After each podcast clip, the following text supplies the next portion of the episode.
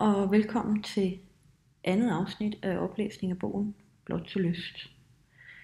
Inden vi når til kapitel 2 i dag, så starter vi med øh, en lille anekdote fra City Slingers. Øhm, vi har lagt en række små anekdoter ind i bogen, som vi kalder Hørt i City Slingers, og øh, vi starter med den, der hedder Jomfruskolen. Og derefter går vi videre til andet kapitel, hvor vi skal høre Abida fortælle sin historie om, når utroskab bliver nødvendigt. Og er du endnu ikke fyldt 18 år, så er det nu, du skal slukke og finde en anden kanal at lytte til. Og som sagt, så starter vi ud med øh, en lille anekdote, der hedder Jomfruskolen. En gang fik City Slingers en mail fra en kvinde på 23 år. I mailen fortalte hun, at hun arbejdede med børn i Grønland, som havde det socialt dårligt. Fordi kvinden igennem flere år havde fokuseret så meget på sit arbejde, havde hun aldrig haft tid til det med mænd. Endnu følte hun sig ikke klar til at indgå i et kærlighedsforhold, men til gengæld syntes hun, at hun havde nået en alder, hvor det var på tide, at hun fik sin seksuelle debut. Det mente hun skulle gøres ordentligt, og derfor havde hun fået den idé at spørge, om vi ikke kunne finde en fyr i vores klub, som havde den fornødne erfaring til at vise hende vejen. Dels skulle han være en nænsom person, som kunne tage hendes mødom på en hensynsfuld måde, men bagefter skulle han også kunne delagtiggøre hende i seksualitetens mange glæder. En svingerklub får jo en del henvendelser, og nogle af dem kan være temmelig absurde, og det kan være svært at afgøre, om henvendelserne er seriøse eller ej. Pigens mail var naturligvis ingen undtagelse, men fordi hun skrev flere gange, kunne vi dog mærke, at hun mente, hvad hun skrev. Da hun derfor en dag skrev, at hun snart havde tre ugers ferie, som skulle afholdes i Danmark, tog vi det alvorligt og forberedte os på, at hun kom. På den dag, hvor hendes ferie i Danmark startede, mødte hun så op hos os efter aftale. Ikke alene var hun den sødeste og dejligste pige, hun så også fantastisk ud og smilede over hele hovedet, da hun kom ind i klubben og sagde hej. Til en pige som hende var det ikke svært at finde en mand, der kunne passe på hende og sørge for, at hun fik den behandling og nænsomhed, som hun havde brug for. I løbet af sine tre ugers ferie i Danmark kom hun på den måde igennem alle de områder af seksualiteten, som hun ønskede at kende. Efterfølgende blev hun så glad for sit lærlingeforløb hos os, at hun gentagende gange kom tilbage til klubben i løbet af de næste to år. Det sidste vi hørte fra hende var, at hun havde fundet manden i sit liv, og at hun nu skulle giftes og have børn. Andet kapitel. Når utroskab bliver nødvendigt. Abida fortæller. Om der er andre muslimske kvinder i svingermiljøet, ved jeg ikke ret meget om, da man jo ifølge Svingerklubbens regler lægger sin identitet bag sig, når man klæder sig af i garderoben og går ind i selve klubben. Dog har jeg hørt om, at der indimellem kommer en muslimsk kvinde i klubben, som går ind nøgen, men har tildækket ansigt. Personligt har jeg det lidt anderledes med mine muslimske rødder, og foretrækker i stedet at gå ind i klubben helt nøgen og uden tildækket ansigt. Første gang jeg kom i klubben er stadig lidt tåget for mig, og jeg husker ikke alt, hvad der foregik. På dette tidspunkt i mit liv havde jeg endnu aldrig set en nøgen mand, og selvom jeg var gift og havde to børn, havde min mand og jeg heller aldrig set hinanden nøgne. At jeg fandt modet til at tage et så drastisk valg, som at gå i svingerklub, skyldes primært, at den mand, mine forældre fandt til mig, ikke kun var udulig som forsørger, men at han, at han også var udulig i sengen. Udover at jeg som voksen valgte at tage sagen i egen hånd og gå i svingerklub, tror jeg i virkeligheden ikke, der er ret meget, der adskiller mig fra andre kvinder med en muslimsk baggrund. Ligesom mange af mine veninder er jeg oprindeligt ikke født i Danmark, men kom hertil som barn og faldt ganske hurtigt til, da jeg startede i skolen. Den danske kultur, hvor man har respekt for det enkelte menneskes rettigheder, har altid tiltalt mig. Derfor fik jeg ikke kun nogle gode veninder med samme baggrund som mig selv, men også mange danske veninder, som påvirkede mit verdenssyn og mine værdier. At der var forskel på den frihed, jeg og mine danske veninder fik af vores forældre, var helt tydeligt op igennem min opvækst. Men der var ikke tale om noget, jeg skænkede ret mange tanker, før den dag, jeg begyndte at komme i puberteten. Under min pubertet satte min mor sig ned med mig og gav mig klar besked om, hvad hun og resten af min familie forventede af mig, når det handlede om at undgå strengen. Mine danske veninder kunne gøre nogenlunde, hvad de havde lyst til, men som andre muslimske piger skulle jeg holde mig fra alt, der havde med sex at gøre, indtil den dag, jeg blev gift. Min mor var meget specifik og fortalte, at et kys måske kunne fremstå som uskyldigt, men det ville være at friste skæbnen, fordi det ganske let kunne føre meget mere med sig. Derfor indprintede hun mig, at det var meget vigtigt, at jeg altid holdt mig på dydens smalle sti. I vores familie har vi så langt tilbage, jeg kan huske, altid haft et rigtig godt sammenhold. Og under samtalen med min mor indså jeg, at det at holde afstand til drengene var en lille pris at betale for at sammenholdet i vores familie kunne bevares. På trods af, at jeg senere hen valgte at ignorere nogle af de påbud, som dengang blev givet mig, ville jeg i dag aldrig kunne sige et ondt ord om mine forældre. Stadig den dag i dag betyder mine forældre alt for mig, og er de vigtigste personer i mit liv, næst efter mine to børn. På trods af den gode og byggelige samtale, som jeg havde med min mor, da jeg kom i puberteten, gik der ikke længe, inden jeg kunne mærke, hvor let det var at falde for fristelsen. Især i gymnasiet opstod der jævnligt situationer, som betød, at jeg havde lyst til at indlade mig med drengene, men trods alt blev fristelsen aldrig større, end at jeg kunne styre tingene og lægge låg på mine drifter, inden det gik galt. Så vidt det var mig muligt, forsøgte jeg at holde mit fokus andre steder, men tog i det private nogle få og små afstikkere fra dydens smalle sti, ved blandt andet at onanere og lære at få orgasme ved hjælp af bruseren, når jeg var i bad. I forhold til drengene valgte jeg dog at følge de retningslinjer, min mor havde givet mig. Og for at gøre en meget lang historie kort, var jeg stadig aldrig blevet kysset, da jeg blev gift med den mand, som jeg desværre stadig er gift med. At det blev ham, var ene og alene noget, mine forældre bestemte. Og at de traf dette valg for mig, var noget, jeg var helt igennem indforstået med. Jeg vidste naturligvis godt, at mine forældre ikke havde fokus på at finde en mand, jeg ville tænde på eller være tiltrukket af, men at de ville forsøge at finde en mand, som fungerede godt med vores familie. Selv tænkte jeg en del over, hvordan det seksuelle ville blive, og når tanken opstod, begyndte jeg som regel at glæde mig. Glæde skulle det dog vise sig, at der ikke var grobund for. Selvom mit ægteskab blev en katastrofe, kan man alligevel ikke sige, at den mand, jeg blev gift med, knuste mine drømme. I årene op til ægteskabet vidste jeg ikke, hvad jeg kunne forvente, og jeg havde ikke opbygget en masse drømme, som vores forhold skulle indfri. Under den første del af vores samliv var alting nyt og åbent, og som regel var min mand både sød og hensynsfuld. Men snart blev det hverdag, og derfor også mere og mere tydeligt, at han og jeg intet som helst havde til fælles. Personligt er jeg med tiden blevet mere dansk end mellemøstlig, og har temmelig mange danske venner, hvorimod han ikke kom til Danmark for at blive en del af det, jeg selv opfatter som et godt og velfungerende samfund. I stedet valgte han, så vidt muligt, at holde sig til den kultur, som han kom fra. Og selvom han i dag har været i Danmark i over 15 år, taler han stadig næsten ikke dansk, og har kun haft nogle små midlertidige jobs. I forhold til det sexliv, jeg fik med ham, blev der også tale om en ualmindeligt ynkelig forestilling. I de første år foregik det på den måde, at han slukkede lyset, kravlede ind over mig en gang om ugen, når vi begge lå under dynen om aftenen. Efter at være trængt ind i mig, tog det mellem et og to minutter, før han kom. De første gange det skete, følte jeg en anelse liderlighed over det. Men jeg mærkede snart, at min mand havde svært ved at rumme, at jeg blev tændt, og derfor sørgede jeg for at skjule min nydelse, indtil den efterhånden var gemt så langt væk, at jeg ikke selv var sikker på, at jeg kunne finde den igen. Igennem disse ugenlige erotiske møder fik vi to dejlige børn sammen, som jeg aldrig har fortrudt, at jeg har fået. I årene efter, at vi blev gift, blev jeg færdiguddannet som sygeplejerske og fik et godt job på et hospital. Snart indså min mand, at min indkomst var stor nok til, at vores økonomi kunne hænge sammen, uden at han tjente penge. Og på den baggrund droppede han ambitionen om at arbejde og brugte i stedet tiden på at hænge ud med sine venner. Det siger jo sig selv, at jeg ikke kunne bruge en mand som ham til noget som helst. Men kender man lidt til den muslimske kultur, vil man også vide, hvorfor jeg ikke bare valgte at lade mig skille fra ham. Naturligvis ville en kvinde som mig kunne klare sig langt bedre uden en mand som ham.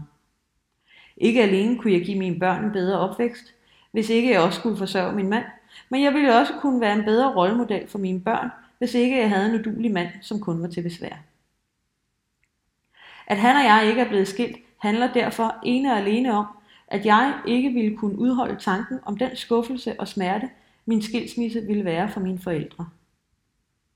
Som sagt betyder mine forældre alt for mig, og netop fordi det er mine forældre, som har valgt den mand, jeg blev gift med, ville det være et kæmpe nederlag for dem, hvis jeg via en skilsmisse viste dem, at de havde begået en fejl. Især min far er en meget stolt mand, der har arbejdet hårdt siden sin første dag i Danmark, og som sætter en stor ære i det sammenhold, vi har inden for familien. Begge mine forældre har vist mig mange vigtige ting, og min fars stolthed over mig og over sine børnebørn og den familie, jeg har omkring mig, har jeg ikke hjerte til at rokke ved. På den baggrund har jeg valgt ikke at blive skilt, så længe mine forældre stadig er i live. Fordi jeg jo har en del danske veninder, som er meget åbne om deres forhold til kærester og ægtemænd, blev det med årene mere og mere tydeligt, hvilken gigantisk katastrofe mit ægteskab var. Med mindre jeg ønskede at dø ud i en passionernes ørken, indså jeg, at jeg måtte tage sagen i egen hånd og gøre noget, som ikke lå inden for de retningslinjer, min familie havde udstukket for mig. På den baggrund fik jeg en lang række meget ærlige samtaler med mine veninder, som bød ind med mange velmenende idéer til, hvordan jeg kunne stimulere mig selv på andre områder end det seksuelle. Uanset hvilket råd jeg fik, og hvad jeg gjorde, forblev jeg dog alligevel uforløst. For at holde mig selv levende som kvinde, begyndte jeg derfor for alvor at onanere, og i modsætning til teenageårene, fik jeg også min fantasiverden koblet på. Igennem mit job på hospitalet mødte jeg mange tiltalende mænd, og en stor del af disse mænd røg direkte ind i hovedrollerne i mine bedste sexfantasier. I offentligheden har jeg igennem mange år lært at fremstå som meget privat, og har altid sørget for at udstråle en kølighed, der ikke giver plads til fløt eller til seksuelle undertoner. Som første led i et liv, hvor jeg ikke ønskede at tørre ud som kvinde, tog jeg en bevidst beslutning om at give slip på min lukkethed, hvilket på ingen måde var nemt. Har man i mange år vendt sig til at udstråle kulde og afstand, er der tale om ikke så lidt af en overvindelse, den dag man første gang vælger at smile æggene til en mand, og samtidig have hovedet fuldt af såkaldte skolebagtanker. Første gang jeg gjorde det, var der uden tvivl tale om en ualmindelig klodset forestilling. Men efterhånden lærte jeg mere om, hvordan den slags foregår. Og snart havde jeg en seriøs fløjt kørende med en lækker, muskuløs portør, som jeg jævnligt mødte på hospitalsgangene. På en vagt lykkedes det mig at arrangere, at han og jeg sammen skulle hente noget i et lagerrum. Og da døren lukkedes bag os, kiggede jeg ham direkte i øjnene, hvilket betød, at han ikke var i tvivl om, at jeg gerne ville lege. Helt instinktivt reagerede han ved at gribe mig om livet, og straks mærkede jeg, hvordan hjertet sprang helt op i halsen på mig. Det var tydeligvis lykkedes mig at udsende de helt rette signaler, og uden varsel pressede han mig op ad en væg og gav mig det første lidenskabelige kys, jeg nogensinde havde fået. Hvad lidenskab var, vidste jeg naturligvis intet om på det tidspunkt. Men i det øjeblik, han kyssede mig, var jeg ikke i tvivl om, at den fantastiske tilstand, som fyldte mit krop, måtte være lidenskab. En stærkere og mere forførende energi havde jeg aldrig tidligere mærket. At mødet med en mand kunne være så intenst og forløsende, var ikke så lidt af et chok for mig. Hele min krop gav efter ved dette kys, og mine ben kunne slet ikke længere bære mig. Heldigvis havde portøren meget stærke arme og vidste, hvad der skulle til for at holde mig. Udover dette vidste han også, at et lærrum på et hospital ikke er et sted, hvor man har lyst til at blive opdaget i en erotisk omfavnelse. Derfor stoppede vi efter et par minutter. Det blev altså ikke til mere end et kys i denne omgang. Stadig den dag i dag, syv år senere, får jeg et kæmpe sug i maven, når jeg tænker på dette kys. På trods af sin dyriske form, er det det skønneste og smukkeste, jeg nogensinde har oplevet, og resten af dagen står i en tåge for mig, når jeg tænker tilbage. Jeg har aldrig brudt mig om at være fuld, men den sanselige beruselse, jeg oplevede denne dag, var forløsende på alle planer. Om aftenen var jeg stadig høj på energi og kunne slet ikke sove, men mærkede, at jeg på alle planer var tændt og åbnet af den søde smag af liderlighed, som portøren havde vækket i mig. Endnu den dag i dag har jeg aldrig fortalt denne historie til nogen. Ikke engang til mine nærmeste veninder, som ellers er meget åbne og fortæller mig alting om deres ægteskabelige problemer og om deres sidespring. Dette møde var en hemmelighed, jeg havde troet, at jeg skulle tage med mig i graven. Og samtidig var det også en bekræftelse af, at det min mor havde sagt, da jeg gik i puberteten, indholdt en del af en sandhed. I sin tid havde hun jo fortalt mig, at et enkelt kys kunne være farligt, og at det kunne blive svært at styre, hvis jeg valgte at lade en mand komme tæt på mig. Ingen tvivl om, at dette kys havde trykket på nogle knapper i mig, der aktiverede noget, jeg på ingen måde var i stand til at styre. Hvis jeg ikke passede på, ville jeg ganske snart være dødforelsket i portøren, og herefter ville jeg begynde at drømme om et andet liv, om at kunne lege, elske, være passioneret, og om at være sammen med en mand, der kunne tænde mig. Resultatet af denne udvikling vidste jeg ville blive et brud med min ægtemand, og dermed være totalt ødelæggende for mine forældre. Der ville blive tale om en nedadgående spiral for dem, som ville blive starten på deres største skuffelse nogensinde. Og dermed ville den kurs, jeg havde sat, få uoverstigelige konsekvenser for alle i familien. Allerede dagen efter, da jeg atter var på arbejde, valgte jeg derfor at tage en snak med portøren. Og mens jeg anlagde en til lejligheden reserveret mine, fortalte jeg ham, at det vi havde gjort aldrig kunne ske igen. Jeg sagde også til ham, at jeg var taknemmelig for det, han havde vist mig, og at det ikke havde været ham, som var problemet, men at jeg ville være nødt til at passe på mig selv og på min familie. Fra den dag af lukkede jeg atter ned for fløten, men problemet var, at jeg nu havde smagt erotikkens sødme, og dermed var det blevet meget sværere at holde igen. I den forløbende periode forsvandt jeg meget ofte ud på badeværelset, og sjældent har en kvinde taget så mange og lange brusebade, og leget så meget med bruseren, som jeg måtte gøre i mine forsøg på at få den lækre portør ud af mit system. Imens jeg i de efterfølgende måneder kæmpede med at få styr på den ild, som brændte i mig, begyndte jeg også at kaste mig over porno. I pornoen fandt jeg ikke kun en masse brugbare billeder, som kunne nære min fantasi, men lærte også en masse nyt om den menneskelige seksualitet. Og i dette hemmelige studie støttede jeg et par gange på betegnelsen svinger. En dag sad jeg i en frokostpause på hospitalet, og kom pludselig til at tænke på, hvad svinger mon egentlig betød. Imens jeg spiste, søgte jeg på nettet, og snart fandt jeg ud af, at der i Danmark findes noget, man kalder for svingerklubber. Ifølge det, jeg læste, kunne man helt anonymt gå ind i sådan en klub og have sex med andre, som også var anonyme. Bagefter kunne man forlade klubben, uden at skulle involvere sig følelsesmæssigt, og uden at nogen forventede, at man skulle mødes igen. Konceptet i svingerkulturen tiltalte mig i ualmindelig grad. Og jo mere jeg læste, desto mere virkede det, som om det var svaret på mine drømme og længsler. Til sidst fandt jeg derfor frem til en klub, som hed City Swingers, og som ikke lå særlig langt fra mit arbejde. På deres hjemmeside stod der, at der var åbent hele dagen, og at man kunne komme forbi, når man havde lyst. Af natur er jeg ikke impulsiv. Man kan godt bruge evigheder på at tænke alting grundigt igennem, inden jeg gør noget nyt. Når det galt ideen om at gå i svingerklub, var der dog tale om en undtagelse. Tanken om, at jeg kunne gå ind et sted og have anonym sex med en mand, gjorde mig så helt igennem tændt og liderlig, at jeg glemte alle former for fornuft og logik. I timerne efter min frokostpause var min hjerne konstant optaget af, hvordan jeg kunne tage i klub så hurtigt som muligt, og samtidig forsøgte jeg at finde på en plausibel historie, som jeg kunne fortælle min mand. Til sidst fandt jeg et lille sted på hospitalet, hvorfra jeg kunne ringe klubben op og spørge, om det var i orden, at jeg bare kom på besøg i 10 minutter for at mærke efter, hvordan jeg ville have det der. Den kvinde, der tog telefonen, var ovenud venlig, og under vores samtale gav hun mig svar på en masse spørgsmål og sagde, at jeg ikke behøvede at være seksuelt aktiv, når jeg var i klubben, men bare kunne komme og mærke efter så meget jeg ville. Udover dette sagde hun, at hun var på vagt til kl. 18, og da jeg selv havde fri kl. 15, kunne jeg derfor godt nå ud til klubben, inden hun fik fri. Mit næste opkald var til min mand, som fik besked om, at jeg skulle på overarbejde, og at han derfor ville blive nødt til at hente børnene, og at han ikke skulle forvente, at jeg var hjemme før kl. 19.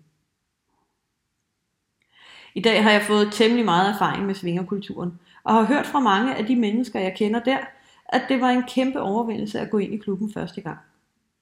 Hvordan jeg selv havde det med at gå ind i klubben første gang, husker jeg ikke i detaljer, da en stor del af det, som skete denne dag, er forsvundet fra min hukommelse. Jeg husker dog, at jeg ikke var bange eller nervøs, men at jeg var euforisk og spændt til bristepunktet. På vejen til Amager spurgte jeg mig selv hundredvis af gange, om jeg nu også var klar til at have sex med en mand, jeg ikke kendte. Og jo flere gange jeg spurgte mig selv, desto mere klart stod det for mig, at jeg var klar, og at det ikke kunne gå hurtigt nok. Mit møde med værtinden står også ganske klart i min erindring. Hendes smil. Da jeg præsenterede mig, et smil, der fik mig til at slappe af og fik mig til at føle, at hun forstod min situation. I telefonen havde jeg fortalt om min baggrund, og havde givet udtryk for, at jeg havde forbehold imod dresscoden, som sagde, at jeg skulle møde op i undertøj eller mindre end det. I skolen havde jeg indimellem oplevet, hvad det vil sige at være nøgen i bad sammen med mine veninder, men ellers havde jeg ingen erfaring med nøgenhed. Mine forbehold imod dresscoden havde været inden været færm til at håndtere i telefonen, og hun havde spurgt mig, hvad jeg havde på, mens vi talte sammen. Jeg fortalte, at jeg var sygeplejerske, og at jeg arbejdede på et hospital, hvorpå hun sagde, at jeg kunne vælge at beholde uniformen på. Hvis nogen i klubben kommenterede, at jeg var fuldt påklædt, skulle jeg bare sige, at sygeplejerskeuniformen var en fetish.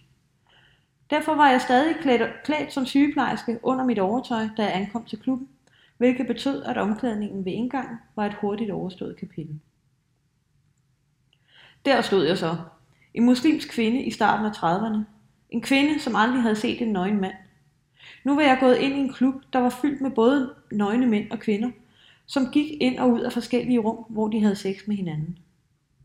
Til trods for, at jeg er muslim og bar min sygeplejerske uniform, var jeg ikke længere funderet i hverken min kulturelle baggrund eller i min uddannelse. Nu var jeg bare en ung kvinde, der stod i blandt andre mennesker i baren i en svingerklub for at flashe sin sygeplejerske fetish. Imens jeg stod der, forsvandt alt mit overskud, min målbevidsthed og den energi, som havde bragt mig hele vejen ind i klubben. Værtinden kunne godt se, at jeg havde det svært. Se, at min krop låste, og jeg ikke turde kigge på de andre, selvom jeg godt vidste, at de var der. For at bløde mig lidt op, gav hun mig kaffe og forsøgte at holde en samtale i gang med mig, men alle hendes velmenende forsøg til trods var indtrykkene simpelthen for stærke. Til sidst sagde hun derfor, at det nok var en god idé, hvis jeg tog hjem og fordøjede oplevelsen, inden jeg vendte tilbage en anden dag. Til dette forslag lykkedes det mig at få fremstammet et nej, hvorpå jeg spurgte, om hun kendte nogle af de mennesker, som var i klubben, og om hun ikke kunne hjælpe mig med at møde en mand, der kunne tage sig af mig. Værtinden svarede, at hun kendte så godt som alle, og ganske snart præsenterede hun mig for en fyr, som hun sagde, jeg kunne stole på. Denne fyr så godt ud. Sammen med ham kunne jeg ifølge værtinden roligt gå ind i et privat rum for at få en massage, uden at være bange for, at han ville forsøge at presse mig til noget, jeg ikke havde lyst til. Sådan blev det derfor, og på trods af værtindens varme anbefalinger, var jeg alligevel rystende nervøs og kunne knap nok sige tak for hjælpen, da han og jeg blev anvist et lille rum, hvor man kunne låse døren. Jeg husker dog, at hun sagde, at jeg bare skulle sige kodeordet City Swingers, hvis jeg ønskede, at lejen skulle stoppe. Sagde jeg dette ord, ville manden straks hente værtinden, som ville sørge for, at jeg kom hjem. Herefter blev døren lukket, hvorpå jeg lagde uniformen fra mig, men beholdt undertøjet på, inden jeg lagde mig på maven og fik massage på ryggen. Tydeligvis var denne mand ikke kun ude på at få tilfredsstillet sine egne behov, men ønskede, at vi begge skulle nyde oplevelsen. Udover dette blev han tydeligvis heller ikke intimideret, da jeg viste, at jeg fik lyst til sex, og så snart jeg mærkede, at hans hensigt var reel, vendte jeg mig om og trak ham ind til mig. Herefter åbnede jeg for alt den indestængte længsel efter sex, som havde eksisteret for mig, siden dengang jeg havde lært at tilfredsstille mig selv ved hjælp af bruseren ude på badeværelset. På denne sene eftermiddag blev min lykke dermed gjort, og i en hed omfavnelse med en fremmed mand fandt jeg langt om længe glæden ved at være kvinde i en gammel ombygget kro på Amager. Nu er der så gået seks år siden denne første jomfruelige svingeroplevelse. Mine børn er blevet ældre, men mit liv er på næsten alle planer det samme. Jeg har stadig mit dejlige arbejde på hospitalet, en fantastisk mor og far, som jeg elsker overalt på jorden, og en total håbløs mand, som jeg straks skal skilles fra i det øjeblik, at den sidste af mine forældre siger farvel til denne verden. Til trods for min mands håbløshed, er min kærlighed til mine forældre så stærk, at jeg håber, at dagen, hvor jeg skal sige farvel til dem, aldrig nogensinde kommer. Svingerklubben er blevet en passionernes nødhjælp i en parodi på et ægteskab, og derfor kan jeg i dag slet ikke forestille mig et liv uden klubben. I starten valgte jeg til med at tage ekstra p-piller, fordi jeg på den måde kunne undgå menstruation, hvilket betød, at jeg ikke behøvede at holde pause fra at gå i klub. Igennem min tid i klubben har jeg haft flere forskellige faste elskere, og især en enkelt af dem har åbnet en helt ny verden for mig. Ved at være sammen med ham lærte jeg, hvad sex kan være, når det er allerbedst. I starten var det, vi lavede, naturligvis meget ordinært, men jo mere vi legede med hinanden, desto mere fri, fri blev jeg, og efterhånden fik vi prøvet så godt som alt, hvad der kan udleves inden for klubbens rammer. I samværet med ham oplevede jeg, hvad det vil sige at være sammen med flere mænd på én gang. At lege med dominans, bondage, andre kvinder, tantra og meget andet. Efterhånden indså jeg, at det, der tændte mig allermest, i virkeligheden handler om at nyde en mands pik. Intet giver mig større glæde, end at lege og sutte på en mand. Har jeg en dejlig hård mand foran mig, og kan jeg få lov at udfolde mig oralt, bliver jeg næsten hver gang totalt henført. Pikkens ejer skal naturligvis også føle et bånd til, men hele tiden skal jeg passe på, at det ikke går hen og bliver alt for intimt og personligt. Under mine besøg i klubben sørger jeg som regel altid for at køre mig selv i stram snor på det følelsesmæssige plan. Jeg sørger for ikke at give for meget slip og havne i alt for meget snak og alt for meget åbenhed. En enkelt gang er det gået galt, hvilket betød, at jeg blev følelsesmæssigt ramt af en mand, der kom alt for tæt på mig. I modsætning til mig var han fri og single, og selvom jeg havde fortalt ham, at jeg havde forbehold imod alt for meget intimitet, vidste han ikke, at jeg var gift. I et ubevogtet øjeblik fik han og jeg kigget hinanden lidt for dybt i øjnene, og snart var jeg ramt, og så blev der lukket op for den forbudte kærlighed. På den baggrund endte vi med at gøre noget, jeg kun har gjort én enkelt gang i løbet af de seks år, jeg er kommet i klubben. Nemlig at mødes uden for klubben. På en café for at få snakket tingene grundigt igennem. Over for denne mand lagde jeg alle kortene på bordet og sagde til ham, at jeg var blevet forelsket. Med et svil fortalte han, at det var gengældt, hvorpå jeg måtte rise tingene op og forklare ham, at et reelt kærlighedsforhold imellem ham og mig ikke var en mulighed. Fremover måtte han og jeg sørge for ikke at mødes i klubben længere, og fordi han respekterede mit ønske, aftalte vi, hvilke ugedage vi hver især kunne benytte klubben, så vi ikke længere kom til at være der samtidig. Et af følelser, noget andet er fornuft. Og da jeg jo var ramt i hjertet af denne mand, måtte jeg i de følgende måneder for første gang opleve, hvad det vil sige at længes, savne og være jaloux. Tanken om, at han nu ikke længere var sammen med mig, men at han var sammen med andre kvinder, uden at jeg samtidig kunne deltage, gjorde så ondt, at jeg indimellem fik svært ved at fungere i min dagligdag. Alligevel lykkedes det os at kæmpe os igennem denne svære tid.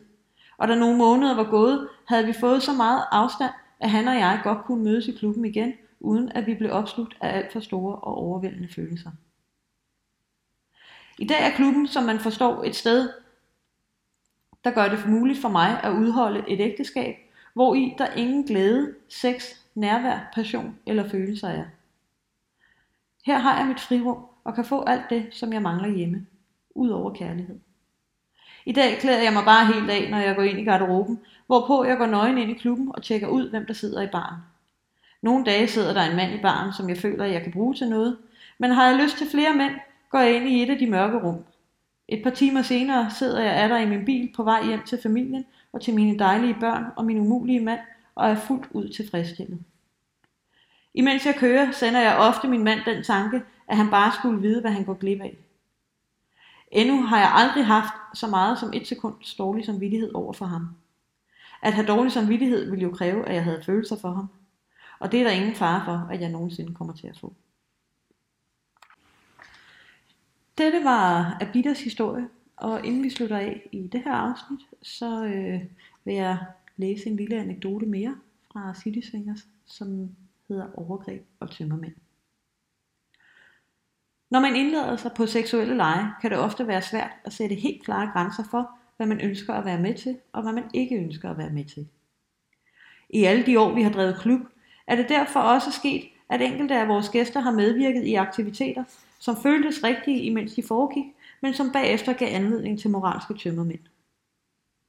Endnu har vi aldrig hørt om, at der er personer i klubben, som har været med til noget, de ikke ønskede at deltage i.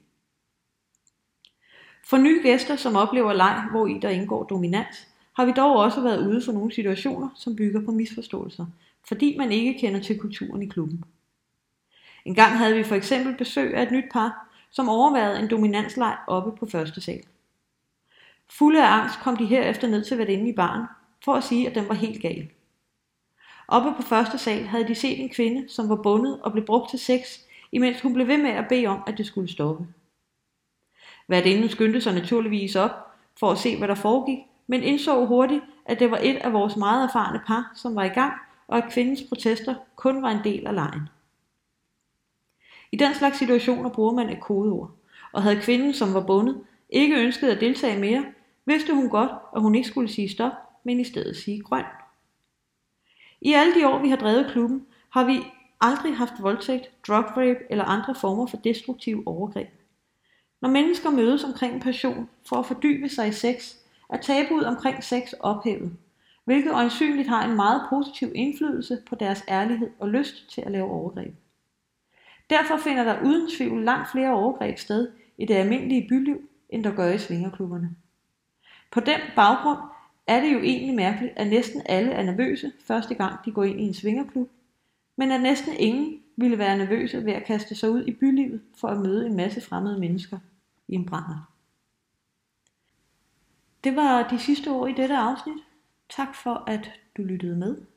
Og jeg håber at øh, du har lyst til at fortsat lytte med, når vi øh, fortsætter med tredje afsnit, hvor Allan øh, fortæller om sin passion for kvinder.